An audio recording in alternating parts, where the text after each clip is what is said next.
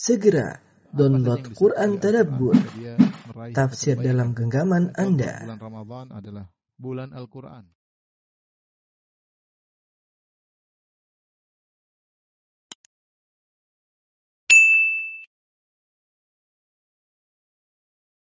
Bismillahirrahmanirrahim. Assalamualaikum warahmatullahi wabarakatuh.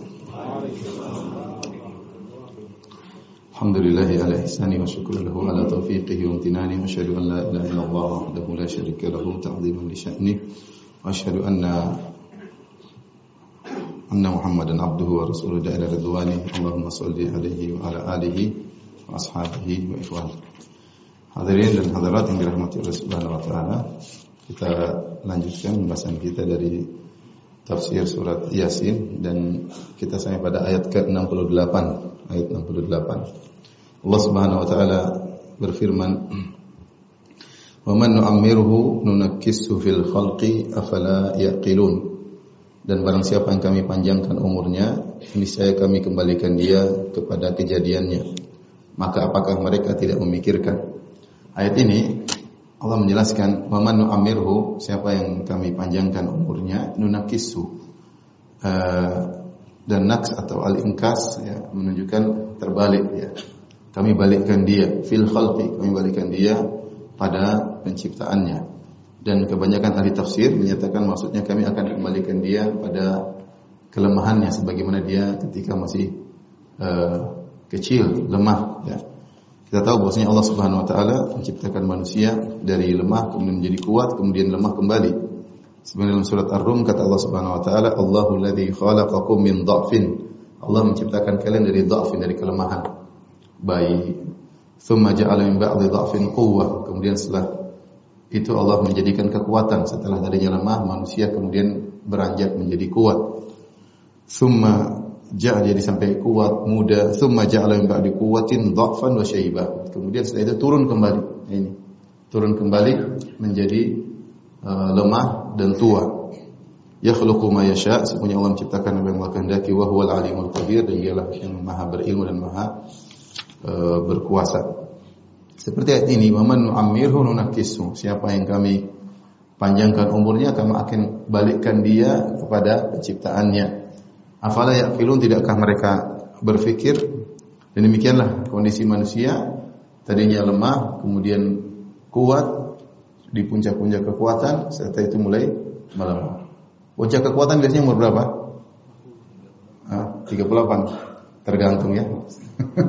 Tapi intinya demikian secara umum 40 ke atas mulai banyak penyakit-penyakit yang tadinya tidak kelihatan setelah masuk lab ternyata mulai kelihatan ya.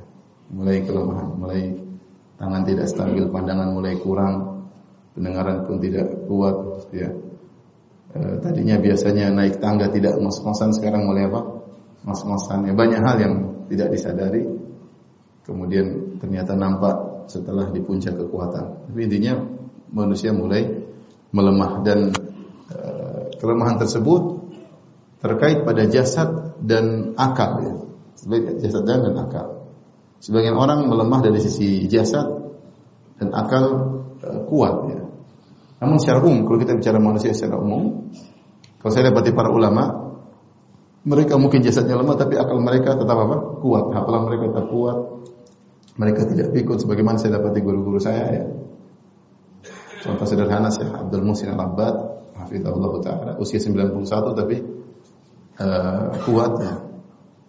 Dan kalau saya dengar beliau sedang ngobrol sama seseorang, maka subhanallah bahkan beliau menyebutkan hal-hal yang lama. Terkadang lawan bicaranya berbicara, kemudian beliau perbaiki. Bukan begitu, dulu begini, bukan begitu. Apa-apa lama beliau tetap aja kuat.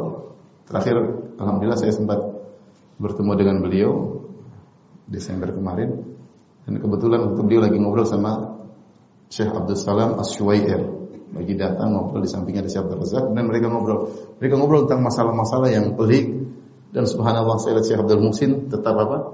Mengimbangi bahkan memperbaiki bahkan bukan begitu ceritanya begini. Ketika ditanya saya masih ingat ini dia kemudian ceritakan maksudnya akal beliau di dijaga padahal sudah usia 91 tahun ya. Namun fisik tidak bisa dipungkiri. Fisik tetap apa? melemah. Oleh karena ketika Allah mengatakan tsumma ja'ala min ba'di quwwatin dha'fan wa syaibah, kami jadikan setelah uh, kekuatan menjadi lemah dan tua, fisik jelas tua. Ya kata Syekh Utsaimin rahimahullah, kelemahan setelah kekuatan terkait dengan fisik maupun apa? akal. Kebanyakan orang seperti itu. Fisik dan akalnya mulai ngendor, mulai lemah. Bahkan sebagian orang kembali seperti masa lalunya, masa kecilnya, oleh karenanya eh, waspada seorang yang ketika di masa muda ya, eh, terkadang atau sering melakukan kemaksiatan atau membicarakan hal yang tidak benar, maka terkadang di masa tua itu muncul. Dia ngomong hal-hal yang dulu dia sering menggandrungi hal tersebut.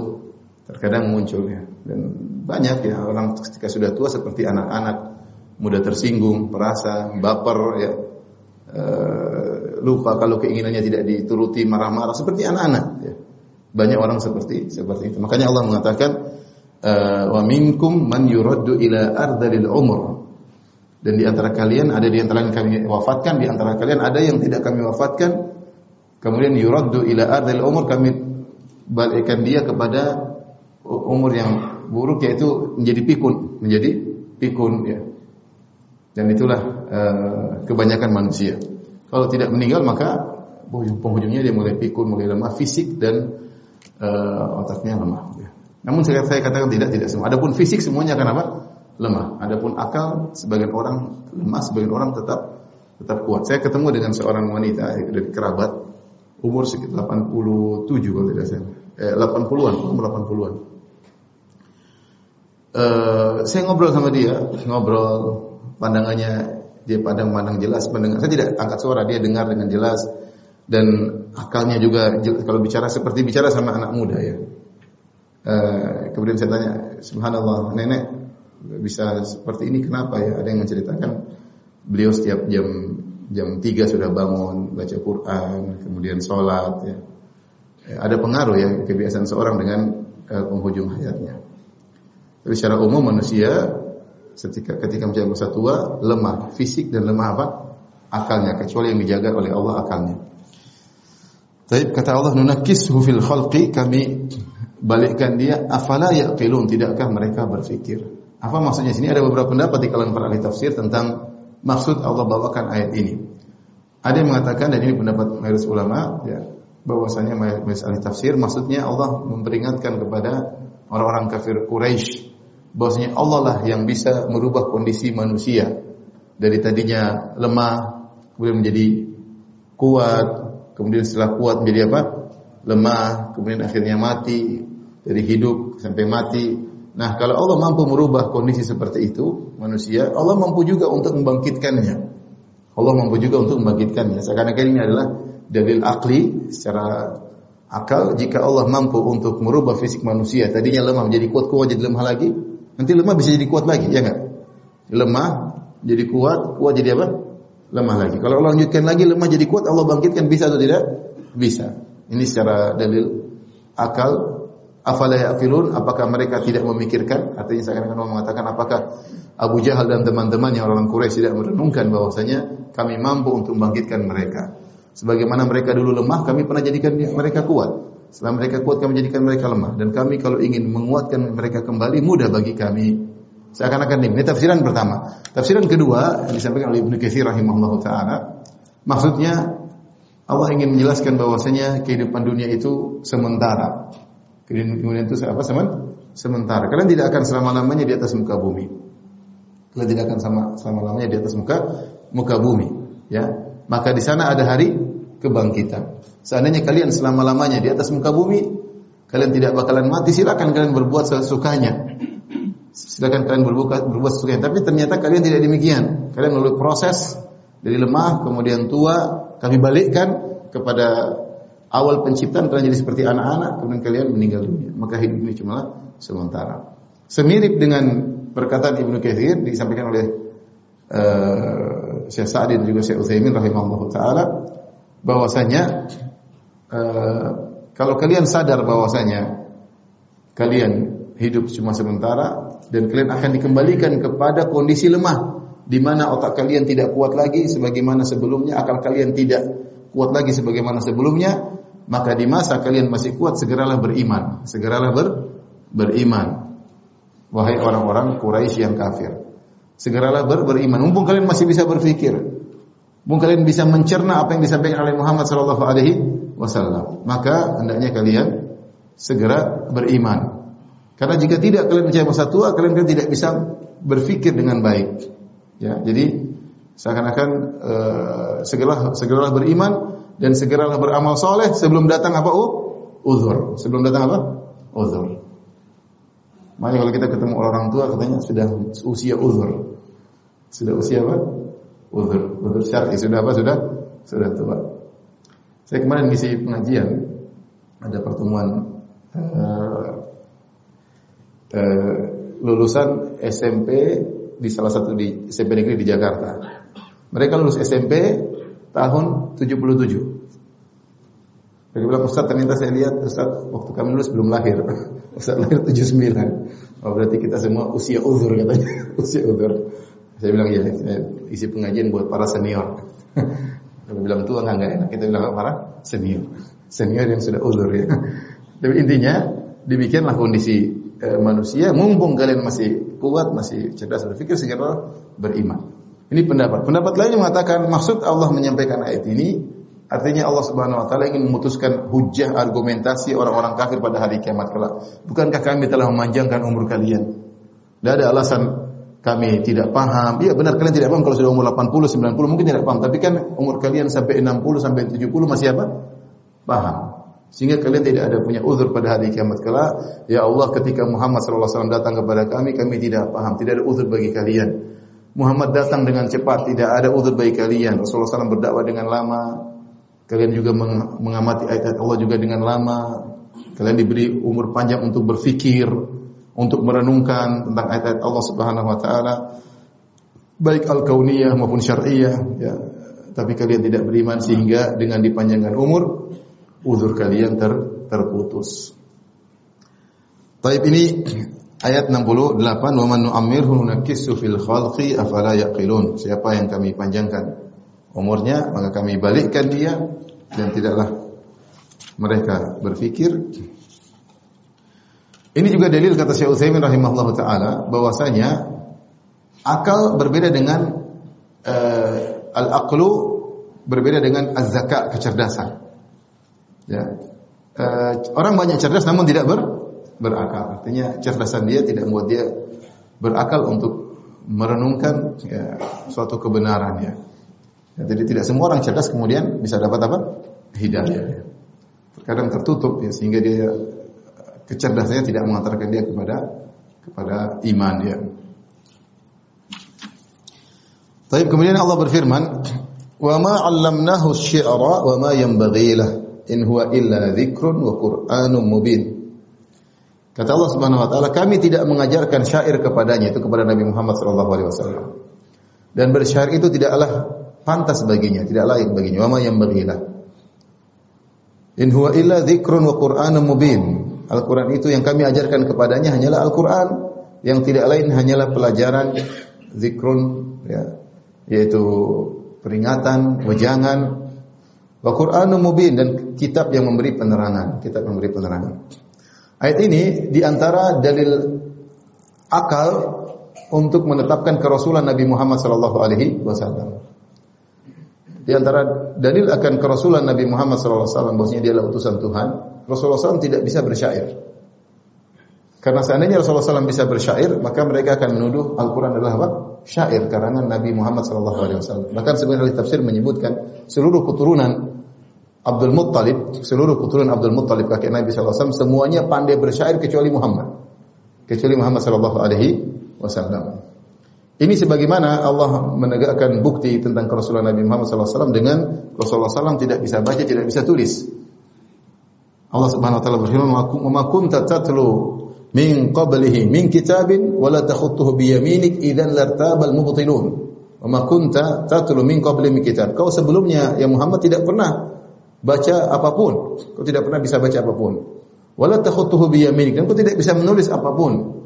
Idan lartabal mubtilun. Seandainya kau bisa membaca, kau bisa nulis, tentu orang-orang ahli batil akan ragu dengan Al-Qur'an. akan ragu dengan kerasulanmu. Mereka akan berkata Quran adalah karangan apa? Muhammad. Oleh karenanya tidak bahasa, tidak bisa baca, tidak bisa tulis. Bagi selain Muhammad SAW adalah tercela. Ya. Makanya Nabi SAW menyuruh para sahabat untuk mengajarkan belajar baca dan tulis. Bahkan ketika dalam perang Badar, dalam perang Badar, kaum Ansor dan para sahabat, kaum Muhajirin menawan banyak dari uh, pasukan Quraisy yang kemudian tertangkap, kemudian ditawan. Maka Rasulullah SAW meminta di antara cara agar mereka bisa menebus diri mereka, mereka mengajarkan baca tulis kepada kaum muslimin. Paham? Mereka ajarkan baca tulis kepada kaum muslimin agar mereka dibebaskan. Artinya Rasulullah SAW memotivasi untuk apa? Baca dan tulis. Dan bukankah surat pertama yang turun adalah Al-Alaq, Iqra bismi rabbikal ladzi khalaq. Bacalah. Ini adalah motivasi dari Allah untuk apa? Membaca. Ya. Tetapi Rasulullah SAW sendiri dijadikan Allah tidak bisa baca, tidak bisa tulis karena ada kemaslahatan yang besar itu membuktikan bahwasanya Al-Qur'an itu bukan karangan siapa? Muhammad sallallahu alaihi wasallam. Jadi sifat tidak tidak bahas, tidak bisa baca, tidak bisa tulis adalah tercela bagi setiap orang kecuali bagi Muhammad sallallahu alaihi wasallam. Tidak bisa baca, tidak bisa tulis bagi Muhammad adalah kemuliaan. Kenapa? Karena dia tidak bisa baca, tidak bisa tulis, namun ada Al-Qur'an yang turun kepadanya sebagai bukti Al-Qur'an ini bukan karangan beliau. Bukan karangan apa? Beliau. Makanya ada seorang pendeta Yahudi kalau tidak salah di YouTube ada, dia menyebutkan tentang mukjizat yang tidak bisa dia ingkari. Itu Muhammad SAW tidak bisa baca, tidak bisa tulis, tinggal di Mekah. Dan di Mekah tidak ada orang Yahudi. Jadi orang Yahudi berkeliaran, orang Yahudi berkeliaran di di Madinah atau di Khaybar. Di mana atau di di Khaybar. Adapun di Mekah tidak ada orang Yahudi. Karena mereka menanti kedatangan Eh, Rasulullah SAW di daerah yang penuh dengan korma. Daerah penuh korma di Madinah di mana? Di Khaybar. Ada pun di Mekah bukan daerah perkebunan. Tetapi Muhammad SAW kata pendeta ini tersebut tidak bisa baca, tidak bisa tulis. Dan selalu di kota Mekah tidak ada orang Yahudi, tapi ternyata dalam Al-Quran ada kisah Nabi-Nabi Bani Israel. Ada kisah Nabi Musa. Ada kisah Nabi Yusuf alaihissalam dengan detailnya dan itu turun di di Mekah, surat-surat Makkiyah. Kemudian lebih daripada itu ada kisah uh, Fir'aun, ada kisah Nabi Nuh tentang kisah-kisah orang-orang terdahulu yang tidak mungkin Nabi Muhammad mengarangnya kecuali dia mungkin baca. Dia baca buku, ya. baru dia bisa mengarang, meniru-niru. Tapi Muhammad tidak bisa baca, tidak bisa tulis dan tinggal di kota Makkah ternyata bisa menceritakan kisah-kisah tersebut. Ini mujizat menunjukkan dia diberi wahyu oleh Rabbul Alamin. Ya. Diberi oleh Rabbul Alamin.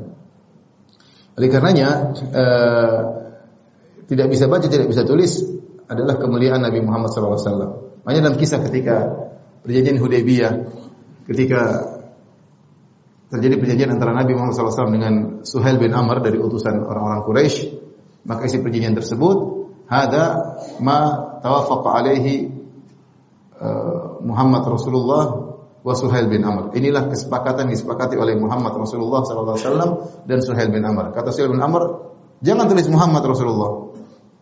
Kalau kau tulis Muhammad Rasulullah berarti kami mengakui kau Rasulullah. Kalau kami mengakui kau Rasulullah ngapain kita ribut sekarang? Tulis Muhammad bin Abdullah.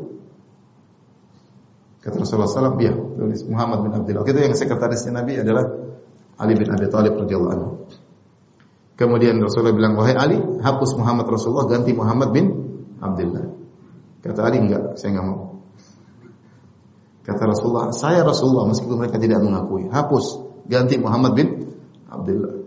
Kata Ali bin Abi Thalib, saya tidak mau.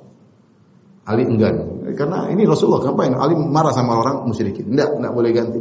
Akhirnya Rasulullah SAW bilang mengatakan, mana tempatnya tulisan Rasulullah?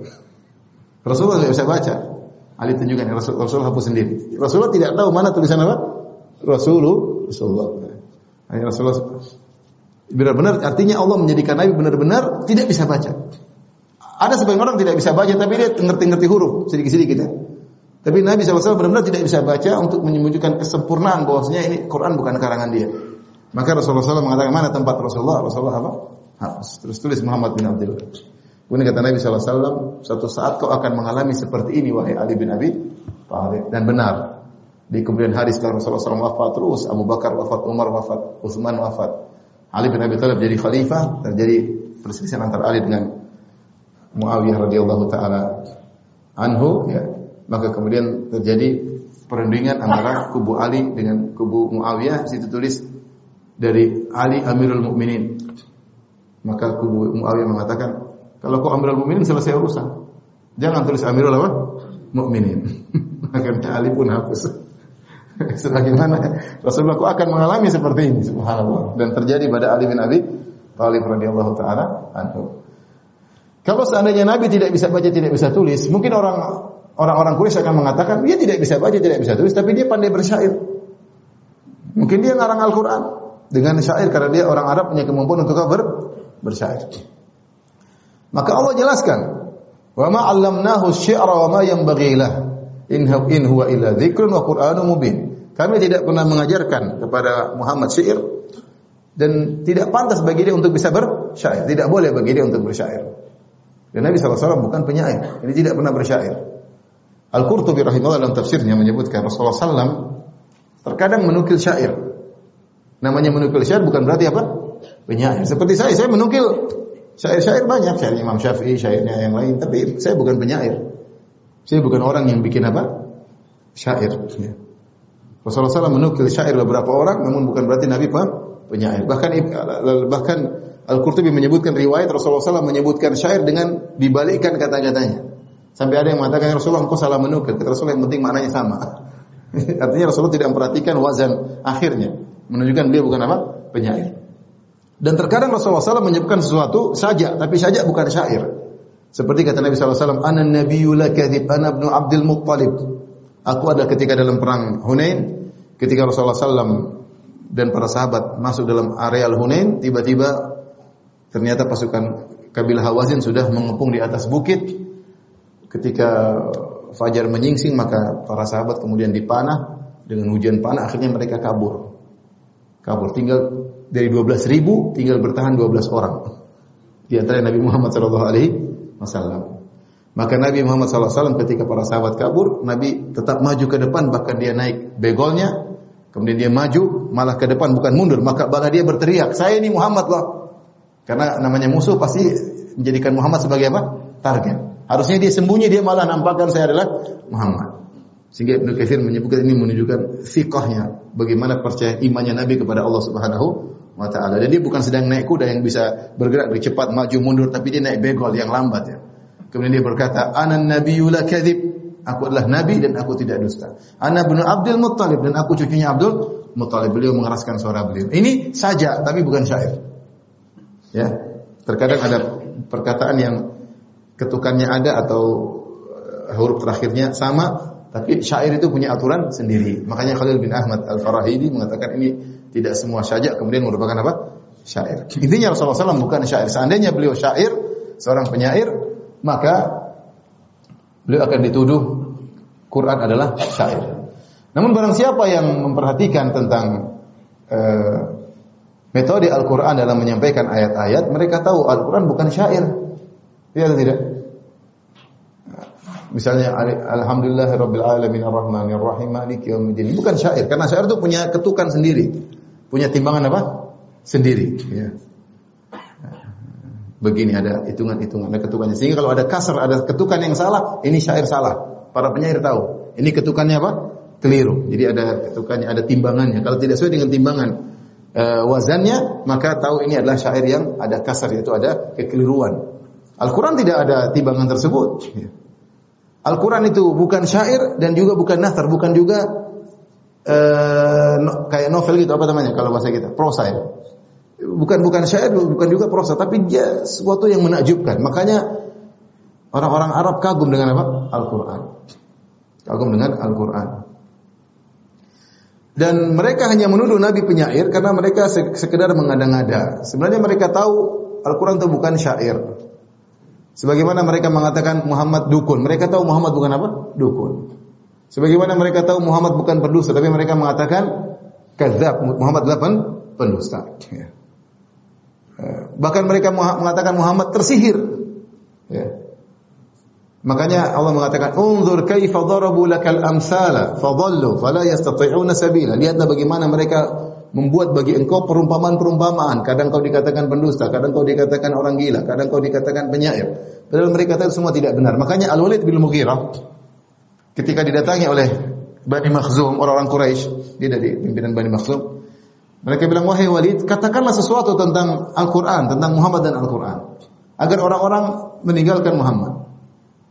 Maka Walid bin Mughirah merenungkan ini bukan syair. Dia tahu ini bukan apa? Syair. Ini bukan perkataan orang gila. Orang gila nggak mungkin ngomong seperti ini. Ini bukan syair. Akhirnya dia berpikir. Makanya Allah menyebutkan tentang Walid bin Mughirah eh, uh, apa uh, faqutila kaifa qaddar thumma nadhar thumma abasa wa basar thumma adabara wastakbar faqala in hadha illa sihru yu'thar akhirnya dia memilih tuduhan yang paling tepat kepada Al-Qur'an adalah sihir yang diwariskan dari sebelumnya, yang dipelajari di orang-orang sebelumnya. Karena kalau dia bilang syair, dia tahu ini bukan syair. Ibnu ahli syair dia tahu ini bukan syair. Syair bukan begini uh, aturannya. Tapi intinya Allah menutup segala celah untuk menuduh Muhammad SAW mengarang Al-Quran. Al-Quran ini bukan karangan Muhammad karena Muhammad tidak bisa baca, tidak bisa tulis dan Muhammad SAW bukanlah penyair. Maka Allah mengatakan, "Wa ma 'allamnahu syi'ra wa ma yanbaghi Kami tidak pernah mengajarkan syair kepada dia dan tidak pantas bagi dia. Adapun sebagian ahli tafsir yang mengatakan yang bagilah susah bagi dia. Ya, yas'ubu alaihi syi'ru ini kurang tepat. Yang benar wa yang bagilah artinya tidak pantas bagi dia untuk menjadi seorang penyair karena kedudukannya sebagai seorang nabi utusan Allah Subhanahu wa taala yang yuha ilaihi diberi wahyu. Kemudian Allah mengatakan in huwa illa dzikrun mubin. Al-Qur'an itu hanyalah bukan syair, dia hanyalah sekedar zikrun peringatan. Mau'izah. Wa Qur'anun mubin, Qur'an ya kitab yang dibaca. Qur'an maksudnya kitab yang di, dibaca. Ah, mubin di sini ada dua dua pendapat. Mubin dalam bahasa Arab terkadang dari fi'il lazim yaitu dari bana sehingga mubin artinya bayin dan terkadang dari fi'il mutaaddi membutuhkan objek dari abana yubinu menjelaskan. Eh, seperti mubin artinya adalah jelas seperti dhalalim mubin, kesesatan yang jelas yang nyata. Dhalalim mubin itu fi'il lazim, kata kerja yang tidak butuh objek ya. Dalam bahasa Indonesia kata kerja yang tidak butuh objek namanya apa? Nah, seperti diem nggak butuh objek kan? Diem ngelamun. Tapi kalau makan butuh objek, ada yang di maka dalam bahasa Arab dibedakan. Saya kurang pandai bahasa Indonesia. Adakah pembagian kata kerja yang tidak butuh objek dengan kata kerja yang butuh objek? Ada nggak? Ada yang tidak butuh objek namanya apa? In intransitif. Kalau yang butuh objek? Transitif. Berarti kalau makan butuh objek ya? Makan butuh objek kan? Butuh yang dimakan ya? Kalau diem nggak perlu, nggak perlu objek. Nah, bana mubin dalam bahasa Arab juga bisa ditafsirkan dengan dua tafsir. Tafsir pertama dia intransitif yaitu tidak butuh apa? objek. Sehingga bana atau mubin artinya nyata. In huwa illa dzikrun. Al-Qur'an itu hanyalah peringatan wa Qur'anun mubin, kitab yang nyata, nyata kejelasannya, jelas. Ini salah satu tafsiran. Tafsiran kedua, wa Qur'anun mubin, mubin dari kata kerja transitif yang membutuhkan objek yaitu mutaaddi. Maksudnya Qur'anun mubin yaitu Quran yang menjelaskan. Dalam Al-Quran menjelaskan banyak hal. Yang pertama artinya Quran yang jelas, yang kedua Quran yang men menjelaskan. Dan Syekh Sa'di rahimahullah As-Sa'di yang benar Syekh Sa'di. Syekh Sa'di dalam Taisir Karimur Rahman ketika menjelaskan beliau mengatakan beliau lebih condong kepada mubin maksudnya menjelaskan. Dan beliau mengatakan ketika Al-Quran dikatakan Quranun mubin, Quran yang menjelaskan. Menjelaskan apa? Allah tidak menyebutkan objeknya. Allah hanya mengatakan Al-Quran adalah kitab yang men menjelaskan. Dan dalam kaidah tafsir jika objek tidak disebutkan maka memberikan faedah keumuman. Berikan faedah keumuman. Contoh dalam hal ini seperti Allah berfirman dalam surat Al-Mutaffifin kata Allah Subhanahu wa taala uh, alal araiki yanzurun ya. Innal abrara lafi na'im. Kata Allah sungguhnya orang-orang yang baik lafi na'im dalam kenikmatan. Alal araiki yanzurun. Mereka berada di atas dipan-dipan. Arikah itu dipan-dipan yang dihiasi dengan kelambunya, dengan bantal-bantalnya. Kemudian mereka dalam kondisi santai. Di atas dipan-dipan tersebut mereka yang turun, mereka memandang. Memandang ini butuh objek atau tidak butuh objek? Transitif atau intransitif? Transitif. Transitif. Jadi butuh objek. Tapi apa yang dipandang tidak disebutin oleh Allah Subhanahu wa taala.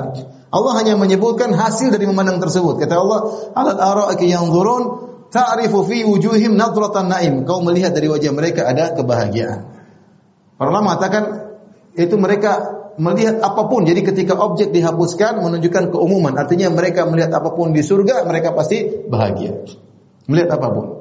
Melihat kalau ada pohon di surga mereka bahagia. Lihat rumah di surga pasti bahagia. Lihat makanan di surga pasti bahagia.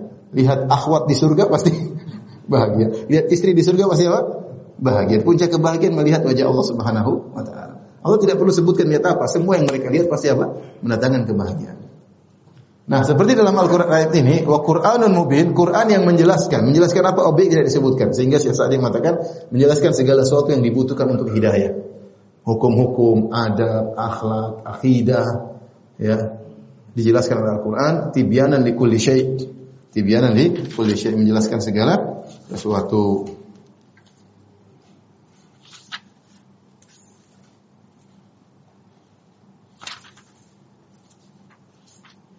Kata Allah, "Wa nazzalna 'alaikal kitab kitaba tibyanan likulli syai'." Kami uh, turunkan kepada engkau Al-Qur'an yang menjadi penjelas bagi segala sesuatu. Kemudian kata Allah Subhanahu wa taala, "Liyunzira man kana hayyan wa yahiqqal qawlu 'alal kafirin." Liyunzir yang Al-Qur'an tersebut memberi peringatan kepada siapa yang hidup wa yahiqqal qaul dan uh, supaya pastilah ketetapan adab alal kafirin. Fikul qaul itu ketetapan wajib, ketetapan adab bagi orang-orang yang alal kafirin, orang yang kafir. Liyunzir di sini ada kira litunzir, ada liyunzir tapi intinya maknanya dua. Agar yaitu agar Al-Qur'an memberi peringatan atau agar Muhammad sallallahu alaihi wasallam memberi peringatan dengan Al-Qur'an tersebut. Artinya peringatan sampai. Peringatan ini sampai kepada siapa? Mangkana hayyan yang hidup. Jumhur mufassirin mayoritas ahli tafsir mengatakan maksudnya adalah hayyul qalbi yaitu hatinya hidup. Karena hanya orang yang hatinya hidup yang bisa menerima Al-Qur'an. Adapun orang-orang yang hatinya mati maka tidak akan menerima Al-Qur'an. Meskipun disampaikan dan kalau sudah tidak bisa menerima Al-Qur'an maka mereka ka kafir. Maka di sini Allah mengatakan wa qaul al kafirin dan dengan adanya Al-Qur'an maka tetap tegas dalil hujah untuk menurunkan azab kepada orang-orang kafir yang telah sampai kepada mereka Al-Qur'an namun mereka tidak mau beriman. Mereka tidak mau beriman. Dan hidayah di tangan Allah Subhanahu wa taala. Hidayah di tangan Allah Subhanahu wa taala. Kalau seorang hatinya mati mau disampaikan ayat seberapa pun tidak akan beriman, tidak akan beriman. Renungkanlah kondisi orang-orang munafik yang mereka uh, tinggal bersama Nabi SAW, selalu sholat berjamaah bersama Nabi SAW, dengar ceramah Nabi SAW, lihat akhlak Nabi SAW, lihat mujizat-mujizat Nabi SAW. Terkadang mereka ikut berjihad bersama Nabi SAW, tapi hati mereka mati. Tidak dapat apa? Hidayah. Ya.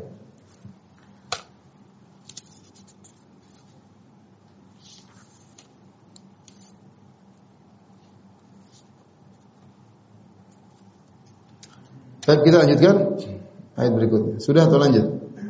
Hah? Sampai jam berapa? Jam 10. ayat berikutnya, awalam yarau anna khalaqna lahum mimma amilat aydina an'aman fahum laha malikun. Kata Allah Subhanahu wa taala, dan tidakkah mereka melihat bahwa sungguhnya kami telah menciptakan untuk mereka mimma amilat aydina dari uh, apa yang kami ciptakan berupa hewan-hewan ternak. Fahum laha malikun. Lalu mereka menguasainya. Lalu mereka memiliki hewan-hewan ternak tersebut. Allah mulai menyebut tentang nikmat-nikmat sebagai argumentasi bagi orang musyrikin, orang Quraisy. Harusnya mereka mentauhidkan Allah, tidak berbuat apa? Kesyirikan. Karena yang menciptakan bagi mereka segala kenikmatan adalah Allah semata. Dan antara kenikmatan yang dirasakan di zaman tersebut adalah berupa binatang-binatang ternak yang diambil manfaatnya sangat banyak, baik onta, baik kambing, baik sapi, atau binatang-binatang yang yang lainnya. Allah ingatkan tentang nikmat yang Allah berikan kepada mereka. Awalam yarau anna khalaqna lahum mimma amilat aydina an'am. Tidaklah mereka melihat. Ada yang mengatakan melihat sini maksudnya basariyah, melihat secara langsung. Ada yang mengatakan melihat sini maksudnya qalbiyah, itu tidakkah mereka renungkan. Ru'ya dalam bahasa Arab bisa dua, ru'ya qalbiyah, ru'ya basariyah. Ketika Allah mengatakan tidakkah kalian melihat atau tidakkah mereka melihat bisa artinya tidakkah mereka melihat dengan mata mereka atau tidakkah mereka merenungkan dengan hati mereka. Anna khalaqna lahum mimma amilat aydina an'aman. Kami ciptakan bagi mereka yang mimma amilat aydina yang ciptaan tersebut adalah mimma amilat aydina dari dari perbuatan kami, dari ciptaan kami. Bukan tidak ada yang lain bersama kami menciptakan hewan-hewan tersebut. Ya. Tidak ada berhala-berhala kalian ikut menciptakan hewan-hewan ini. Tidak ada wali-wali yang kalian sembah ikut menciptakan hewan-hewan ini. Yang kami ciptakan mimma amilat aidina. Kami yang ciptakan sendiri. Paham? Kami yang ciptakan sendiri. Ya. Fahum laha malikun. Kemudian mereka memiliki hewan-hewan ternak tersebut. Kemudian kata Allah, "Wa lahum." Lalu kami tundukkan hewan-hewan tersebut kepada mereka. Kami tundukkan. Nurut hewan-hewan tersebut. Nurut untuk ditunggangi, nurut untuk dipikulkan barang-barang di atasnya, sebagian mereka nurut untuk disembelih. Nurut subhanallah ya. Faminha rakubuhum wa minha yakulun. Di antaranya bisa ditunggangi, di antaranya ada yang bisa untuk di yang mereka makan. Walahum fiha manafi'u masyarib. Dan bagi mereka dari hewan tersebut ada manfaat-manfaat yang lainnya.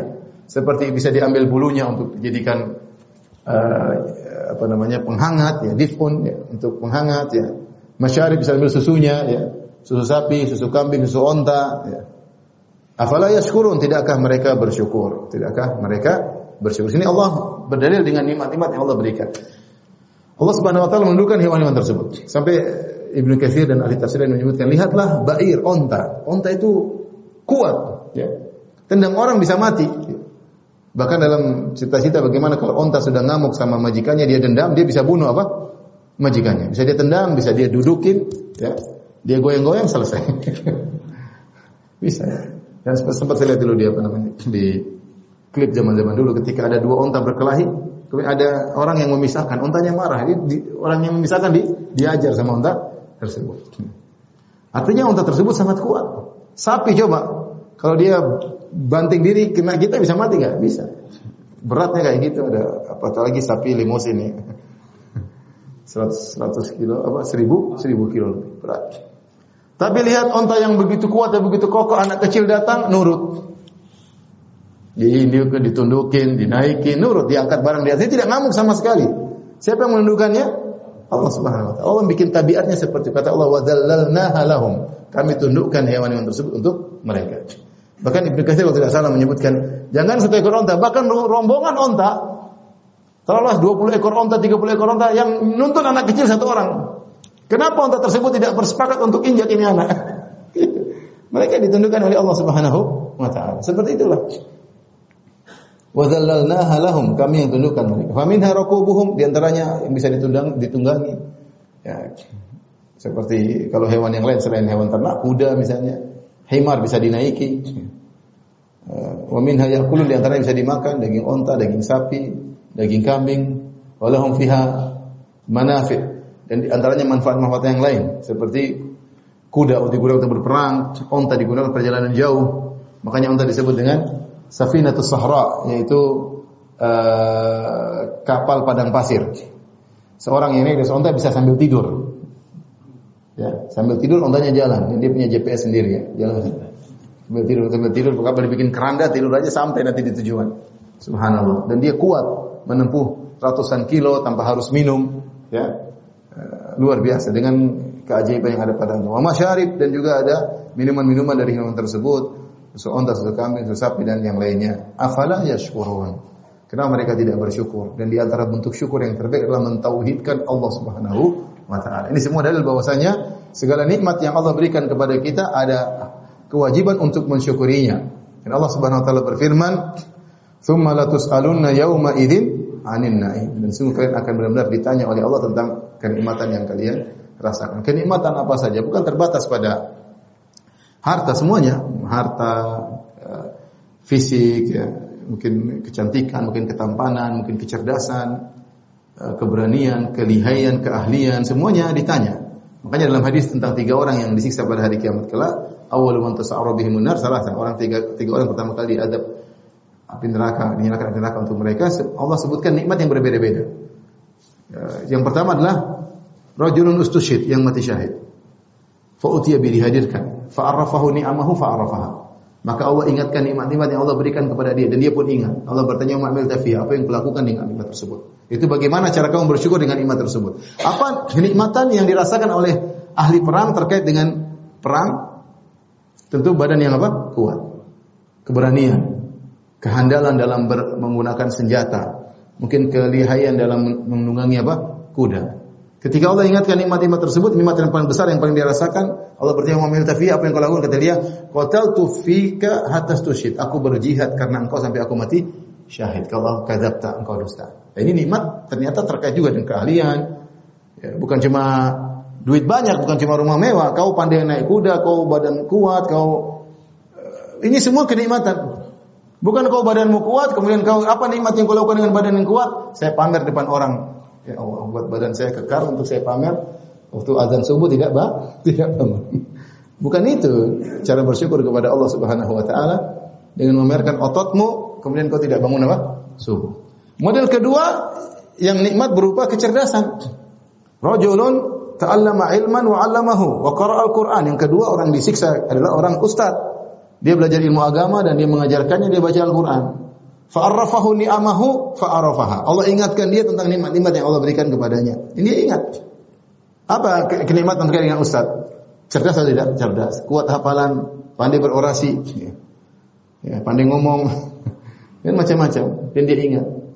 Mungkin indah suara ketika baca Quran. Maka Allah bertanya, "Wa amil tafi?" Apa yang kau lakukan? Kata dia, "Qara'tu fikal Quran wa 'allamtu." Saya baca Quran karena kau dan saya mengajarkan. Kata Allah, "Kadzabta." Kau dusta walakin liqal annaka qari. Tapi kau ngajarin Quran supaya kau dikatakan ahli baca Quran. Liqal annaka alim supaya dikatakan kau orang alim. Dan yang ketiga, rajulun atahu Allahu min min asnafil mali kullihi. Orang Allah berikan kepada dia segala segala bentuk harta, mau sawah, ladang, emas, perak, bangunan, macam-macam. Jadi kemudian Allah bertanya apa yang kalau kata dia aku bersedekah karena engkau kata Allah kau dusta tapi kau agar dibilang dipuji sebagai dermawan. Intinya segala nikmat ada tanggung jawabnya. Yaitu harus disyukuri. Jika nikmat tersebut tidak digunakan untuk bertakwa kepada Allah maka ada bumerang yang akan kembali kepada kepada kita. Allah sebutkan kepada mereka tentang nikmat hewan, hewan ternak, afala yashkurun. Tidakkah mereka bersyukur? Tidakkah mereka uh, bersyukur? Dan di antara syukur yang terbaik adalah bertauhid karena mereka orang-orang musyrik, paham? Ketika Allah mengatakan, apakah mereka tidak bersyukur? Maksudnya hendaknya kalian mentauhidkan siapa? Allah. Orang yang tidak bertauhid, orang tidak bersyukur. Yang ciptakan dia hanya Allah semata, yang berikan dia rezeki hanya Allah semata, kemudian dia menyembah kepada selain Allah Subhanahu menduakan Allah, mensekutukan Allah, maka orang seperti ini jauh daripada bentuk syukur kepada Allah Subhanahu wa taala. Justru kata Allah, "Wattakhadhu min dunillahi alihatan la'allahum yunsarun." Justru mereka kemudian mengambil menjadikan selain-selain Allah sebagai tuhan-tuhan. La'allahum yunsarun. Harusnya mereka mentauhidkan Allah, maka malah justru mereka menyembah kepada selain Allah, la'allahum yunsarun dengan harapan mereka menang. Dengan harapan mereka dimenangkan dengan menyembah kepada selain Allah Subhanahu wa taala.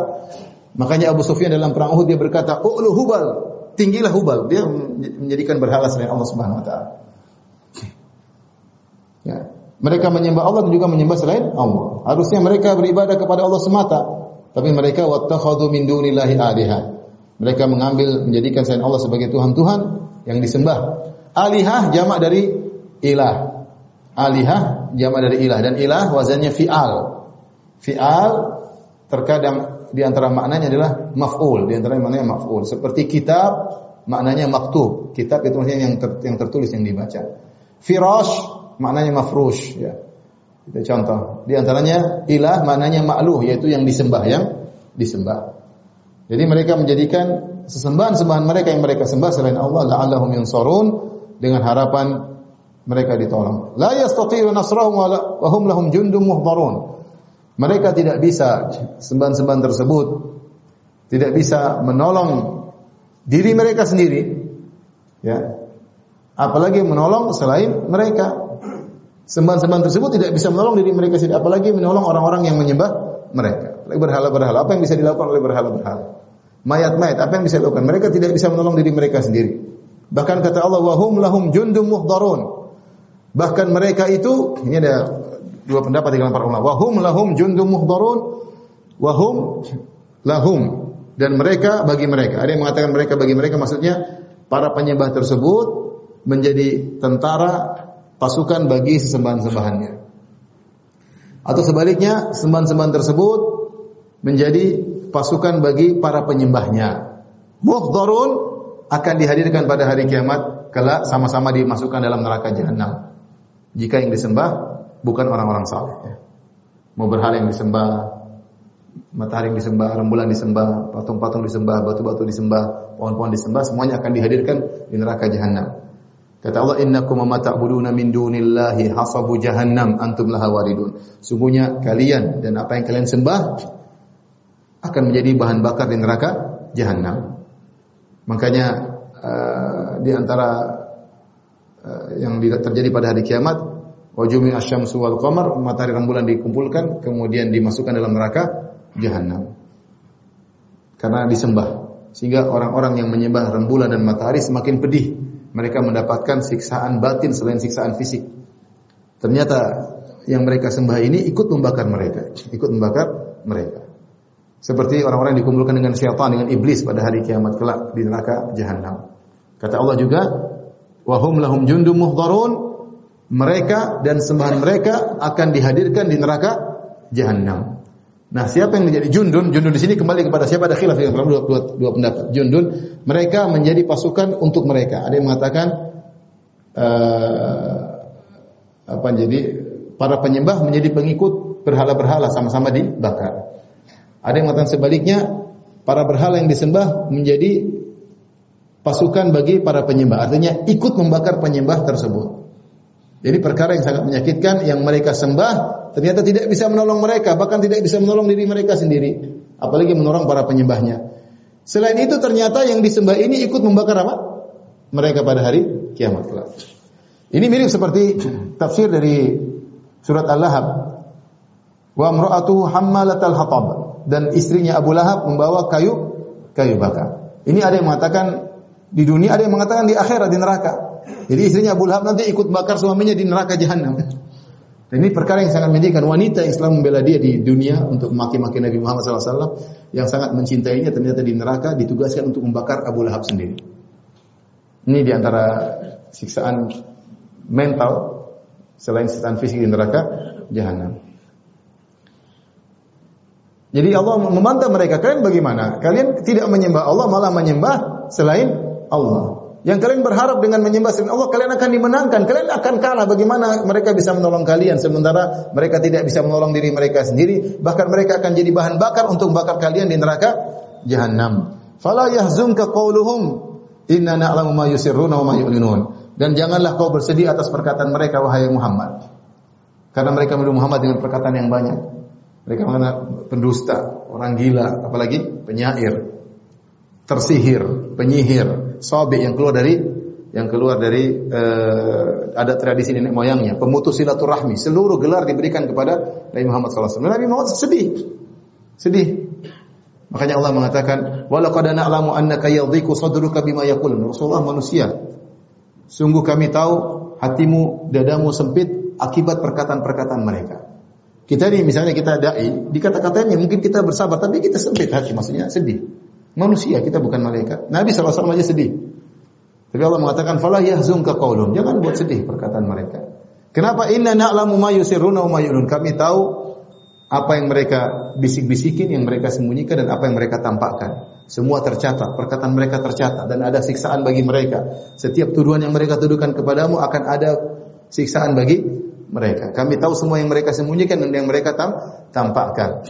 Allah mendahulukan Eh, kami mengetahui yang mereka sembunyikan, yang mereka tampakkan karena bagi Allah yang disembunyikan dan ditampakkan sama sama saja. Tidak ada uh, bedanya, ya, tidak ada bedanya.